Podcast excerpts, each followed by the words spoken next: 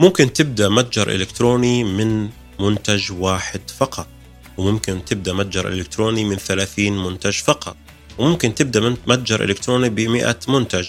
هذا كله بيعتمد على أي نوع من أنواع التجارة الإلكترونية اللي أنت حابب تخوض فيها ويعتمد أيضا على رأس المال المخصص لهذا المتجر سواء كان drop shipping أو سواء كان بشراء المنتجات أو بيعها.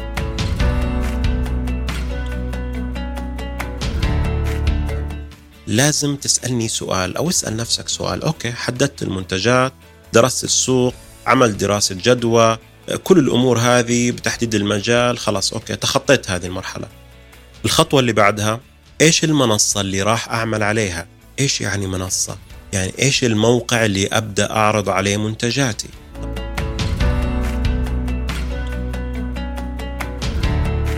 موضوعنا اليوم مهم جدا.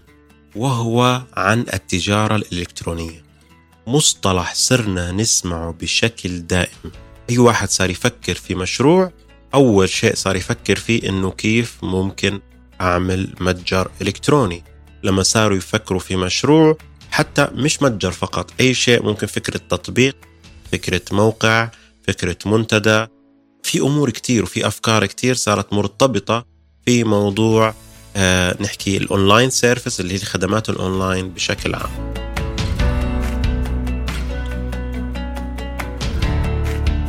مصطلح التجارة الإلكترونية بدأ ينتشر في الآونة الأخيرة وخاصة بعد جائحة كورونا برغم أن التجارة الإلكترونية بادية من زمن وكانت تقريبا من أكثر المواقع المعروفة. في بدايتها في التجارة الإلكترونية هو موقع سوق دوت كوم. أنا بتذكر كانت أول عملية كانت لي في سوق دوت كوم أن اشتريت أونلاين كانت تقريبا في 2009 أو 2010 كانوا يروجوا للموقع عن طريق الإيميل بشكل مش طبيعي. حتى كان أنا عندي إيميل بتذكر Hotmail فكنت أستقبل دائما منهم إيميلات أنه اشتري المنتجات اشتري المنتجات. وكنت أيامها أنا في جمهورية مصر. وبالفعل من كثر ما شفت المنتجات كنت دائما أتخوف من موضوع الدفع. فيومها أصلا من ضمن الرسائل التسويقية أنه الدفع عند الاستلام. وهذا الشيء طبعا كان مريح لأي عميل لأنه خايف يدفع أونلاين. يمكن ثقافتنا إحنا كعرب وثقافة أغلب الدول ولكن إحنا كعرب بالذات كنا نخاف نتعامل مع المعاملات الرقمية بسبب موضوع ال security اللي هو الأمان إنه أنا أقدر أحط الفيزا الخاصة فيها كان بيصير في هجمات إلكترونية على أو كان يصير هاكرز في بعض الأحيان على موضوع الفيزا والماستر كارد وغيره من مدفوعات الأونلاين فيمكن لهذا السبب كنا إحنا نتخوف باستخدام المعاملات الرقمية آه، باستخدام أو تخليص بعض المشتريات أونلاين بالشراء عبر الفيزا والماستر كارد.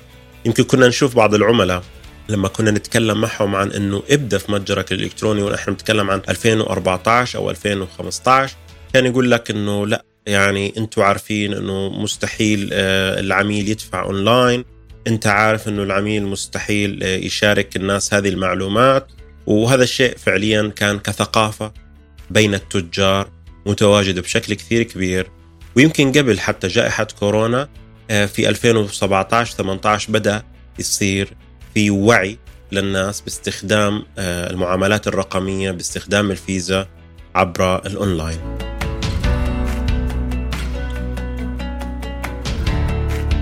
ليش هو عبارة عن فكرة؟ دائما لازم تسأل نفسك سؤال. إذا أنا أطلقت متجر أو إذا أطلقت مشروع بشكل عام ماذا يميزني عن الآخرين؟ وأيضا إيش هي القيمة المضافة اللي راح أعطيها للعميل؟ لأنه إجابتك على السؤالين هو بدايتك للمشروع هو بدايتك للنجاح. إذا لم تجب على السؤالين ففي عندك مشكلة. يبقى إحنا لما نقول إن المشروع هو عبارة عن فكرة حتى المتجر الإلكتروني هو عبارة عن فكرة. لما تيجي تعمل متجر إلكتروني لازم تضع بعض الأولويات والعناصر الرئيسية اللي فعليا المستخدم راح يميزك فيها. لازم تضع وتفكر إيش المنتجات إيش فكرة المنتجات اللي أنت راح حاب تطرحها في الموقع وتكون مميز فيها عن باقي المواقع. هذه هي بداية مشروعك الفكرة. المتجر الإلكتروني مش فقط منتجات راح أعرضها عندي في المتجر وتكون متواجدة تحت الطلب أي واحد حاب يطلب المنتج حيكون موجود صح هذا شيء أساسي في التجارة الإلكترونية ولكن هل هذه المنتجات أثناء طرحها بالفعل مميزة؟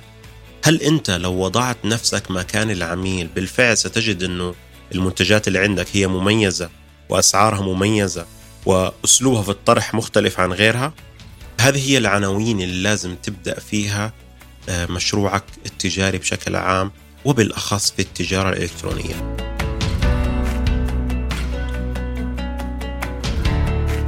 ما هي التجارة الإلكترونية؟ التجارة الإلكترونية هي عبارة عن بيع وشراء تجارة في الأخير.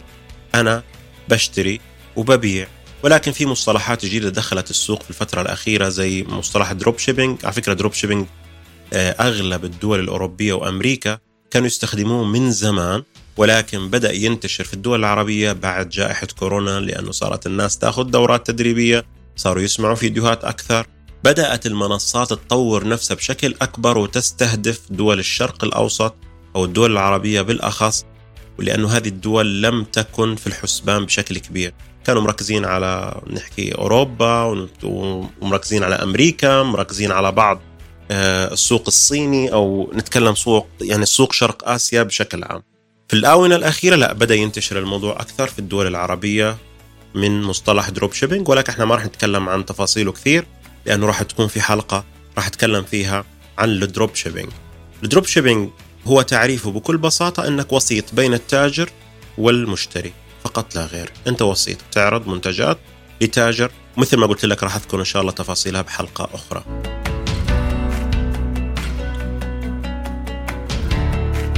ليش الناس صارت تتوجه للتجارة الإلكترونية؟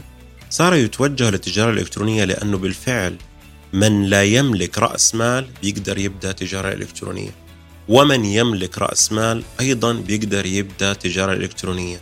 إذا الموضوع غير مكلف مثل ما أنت حاب أنك مثلا تفتح محل تجاري ويكون في عندك عملاء وكن كاستمر وهذا الشيء بيختلف تماما على أنك أنت حاب تتعامل مع عملاء أونلاين. إذا السبب الأول والرئيسي هو توفير التكاليف لتشغيل متجر خاص فيك يكون offline. أما السبب الثاني وهو تماشيك مع الرقمنة. أغلب الناس الآن صارت أصلا يعني في في ماركات عالمية قفلت آه، كثير فروع لإلها. مثل زارا على سبيل المثال قفلت أغلب فروعها وصارت تركز على مبيعات الأونلاين أكثر من مبيعات ال offline. وفي متاجر أصلا لم يكن لها أي فروع زي نتكلم سوق والآن أصبحت أمازون ونون آه، نمشي شي إن. في كتير تطبيقات موجودة الآن ومتاجر إلكترونية موجودة الآن لا يوجد لها أي فروع بل يمكن فرعها الأساسي هو الهيد أوفيس أو المكاتب الخاصة بالموظفين. زائد المستودعات إذا كان لها مستودعات في الدول اللي موجودة فيها حالياً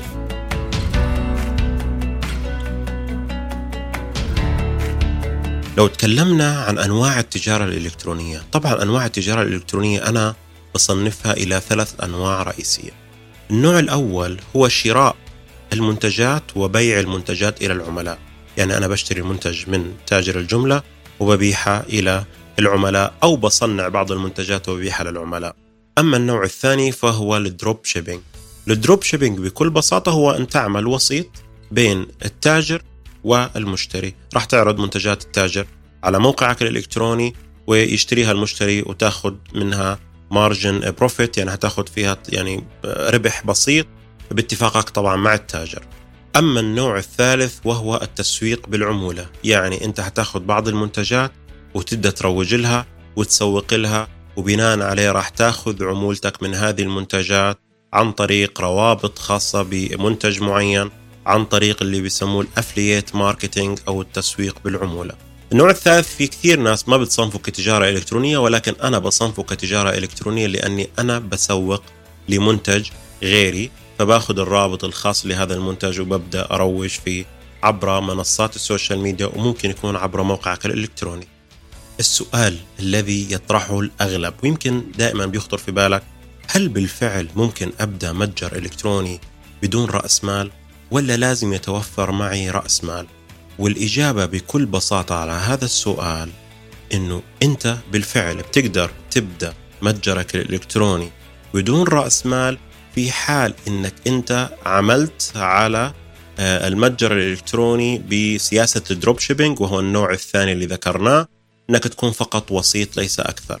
أما النوع الأول وهو متجر إلكتروني وهو الأكثر ربحية بالنسبة للتجار وتقدر تستغله بشكل صحيح ولا يحتاج رأس مال كبير، هو يحتاج رأس مال ولكن لا يحتاج رأس مال كبير لشراء بعض المنتجات. أنت ممكن تبدأ برأس مال 1000 دولار 800 دولار 700 دولار تبدأ بمنتجات صغيرة. مش لازم تبدأ بمنتجات يكون سعرها عالي جدا. والمقصود بدون رأس مال ليس إنه أنت حتبدأ متجر وتبيع من الصفر. أنت ممكن تقدر تبيع من الصفر ولكن كم من الوقت راح تاخذ علشان تقدر توصل لأكبر عدد من العملاء؟ ممكن أنت تبذل ثلاث آه أربع أيام عشان توصل عميل واحد وهذا من غير رأس مال راح أنشر في جروبات وأعمل كذا. المقصود بدون رأس مال إنه منتجاتك ما راح تشتريها برأس مال ولكن أنت تحتاج إلى رأس مال للتسويق تحتاج إلى رأس مال لشراء الموقع الإلكتروني أو برمجة الموقع الإلكتروني إلا إذا كنت تملك بعض الخبرة وأخذت بعض الدورات التدريبية لبناء متجر إلكتروني من الصفر أو بالمشاركة مع المنصات المجانية. سواء كنت حاب تدخل في dropshipping أو تشتري منتجات وتبيعها أو تعمل في التسويق بالعمولة لازم أقول لك كيف تبدأ تجارة إلكترونية بغض النظر عن نوعها. اولا وهذا أهم شيء ذكرته في البداية الفكرة. إيش الفكرة من المنتجات اللي أنت حاب تطرحها في موقعك الإلكتروني؟ من الفكرة يجب عليك أن تحدد المجال. يعني إيش المجال اللي أنت حاب تتخصص فيه؟ هل حاب تتخصص في مجال الإلكترونيات في مجال المكتبيات آه، في مجال آه، الترفيه في مجال بيع الكروت مثلا على سبيل المثال في المنتجات الرقمية في مجال الكتب في أمور كثير في أكثر من ألف ألفين ثلاث ألاف مجال المجالات كثيرة ومتعددة في التجارة الإلكترونية ولكن لازم تخصص وتعرف إيش المنتجات أو إيش المجال اللي أنت حاب تتخصص فيه.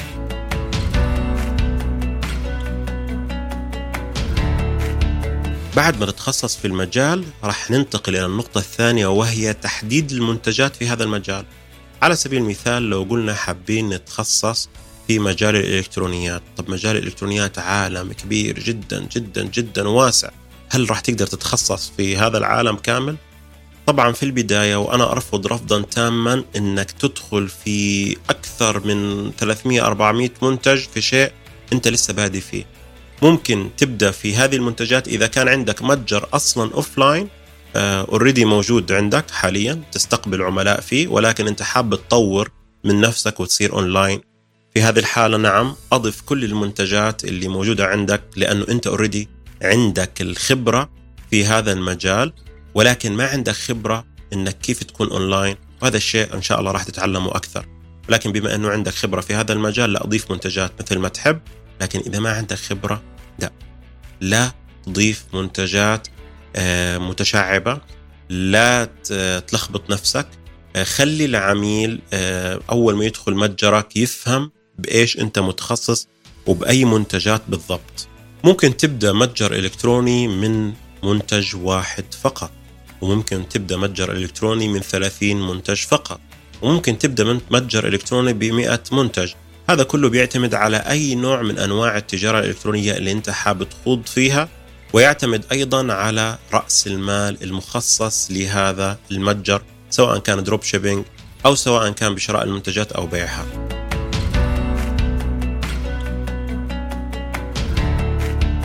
راح أعطيكم مثال كتير بسيط. يوم في الأيام أنا كنت آه، رايح محطة بنزين وكنت نازل على ال mini market حاب أشتري بعض الأغراض فتفاجأت وأنا عند الكاشير في آه، كانت يومها سيدة حابة تشتري معطر للسيارة. طلبت منه المعطر كان قيمته أتوقع 9 دولار أو 10 دولار لا أذكر الرقم بالضبط. وأنا شفت الرقم استغربت. أنا المعطر هذا دائما بشتريه لا يتجاوز 2 دولار أو دولار ونصف تقريبا. أثناء ما اشترت المنتج. أنا في هذه اللحظة كنت قاعد أفكر إيش ممكن أبدأ متجر إلكتروني. وخطر في بالي يمكن هذه علامة إنه ليش ما أسوي متجر إلكتروني ببيع منتجات خاصة بإكسسوارات السيارات وال target audience أو الجمهور المستهدف عندي هم النساء. ففي أيامها أنا كنت مقيم في المملكة العربية السعودية وكانت بداية آه، قيادة المرأة للسيارة. وما كان عندها الخيارات الكثيرة لشراء المستلزمات إلا عن طريق المواقع زي شي إن ونمشي ونون وأمازون وغيرها من المواقع. وما في الخيارات الكثيرة يعني معطل السيارة تلاقي أوكي من بين الخيارات ولكن ليس أساس الخيارات هذه. ففي هذه اللحظة قلت ليش ما أسوي متجر إلكتروني في منتجات خاصة بالسيارات واستهدافي للنساء؟ في هذا المتجر وأضيف فيه كل شيء مرتبط بإكسسوارات السيارة للنساء. مثلا المعطر أكسسوارز إكسسوارات خاصة بالسيارة مثلا خاصة بالجير الأشياء مبخرة آه، شاحن بشكل معين ألوان غريبة آه، ال packaging الخاص بالمناديل يعني أمور كثير ممكن أربطها في هذا المتجر.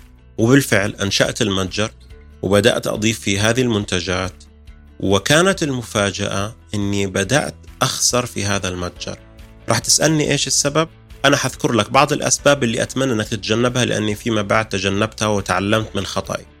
في بدايتي لهذا المتجر فكرت في موضوع ال dropshipping قلت ما راح أدفع أي دولار فقط إني راح أعرض بعض المنتجات اللي متواجده على AliExpress ثم أقوم ببيعها. وبالفعل عرضت أكثر من 300 منتج زي ما بقول لك أبو بلاش كثر منه. فأنا في هذه اللحظة بديت أعرض المنتجات 300 400 منتج. أنا ماني دافع شيء. كنت مشترك في بعض ال tools عن طريق Shopify أرسل للتجار بعض الطلبات الخاصة فيها أصبح في بطء في آه، إرسال الطلبات إلى العملاء وهذا الشيء خسرني عملاء كثير لأني ما كنت عامل حساب هذا الموضوع ابدا. آه، صار في استرجاع للمبالغ بسبب إنه أنا كنت قايل الأوردر راح يوصلك خلال 10 أيام بسبب التجار. وهذا الشيء أيضا ما كنت عامل حسابه. فهذه الأمور كلها كانت مرتبطة في بنائي للمتجر. فأول خطأ اكتشفته إني أنا شعبت نفسي. ليش أضفت 300 منتج؟ أنا ممكن أخصص نفسي في 30 أو 20 منتج وأبدأ فيهم تجارتي الإلكترونية. وفيما بعد إذا حققت النجاح في العشرين منتج ولكن ركز 20 منتج تعرف تختارهم بعناية. يعني مش يكونوا 20 منتج فقط عشان العدد. لا أنت ممكن تبدأ في منتج واحد وليس 20 ولكن أنا حاولت بقدر المستطاع أني أنتقل 20 اللي عليهم طلب أكثر من خلال بعض الأدوات اللي ممكن بالفعل تعطيك إحصائيات أكثر المنتجات مبيعا على مواقع كثير منها AliExpress وأمازون و noon dot com. ومن هذا المثال تعلمت أنه أنا ما درست السوق المنافس صح. يعني أخذت بعض المنتجات شفت موقع أو موقعين وفيما بعد تشجعت أني أبدأ في هذا الموضوع. ولكن اكتشفت إنه لازم أعمل Excel sheet وأضيف المنتجات في هذا الشيت وأضع كل موقع ببيع المنتج بكم وخلال كم يوم راح يوصل له هذا المنتج بحيث إني أنا لو زودت في السعر عن باقي المنصات أو باقي المواقع أكون مميز بشيء مثلا التوصيل مجاني مثلا التوصيل خلال أسبوع غير ممكن التوصيل خلال 10 أيام أو خلال 15 يوم. فلازم أشوف إيش المميزات المنافسة وبناء عليها أقدر أحلها عندي. هل أنا أستطيع حل هذه المشكلة ولا لا؟ هذا الموضوع اللي يدعنا نتجه إلى الخطوة الثالثة بعد تحديد المجال وتحديد المنتج بدراسة السوق المنافس. ومن ثم نكون عاملين دراسة للمشروع بشكل عام.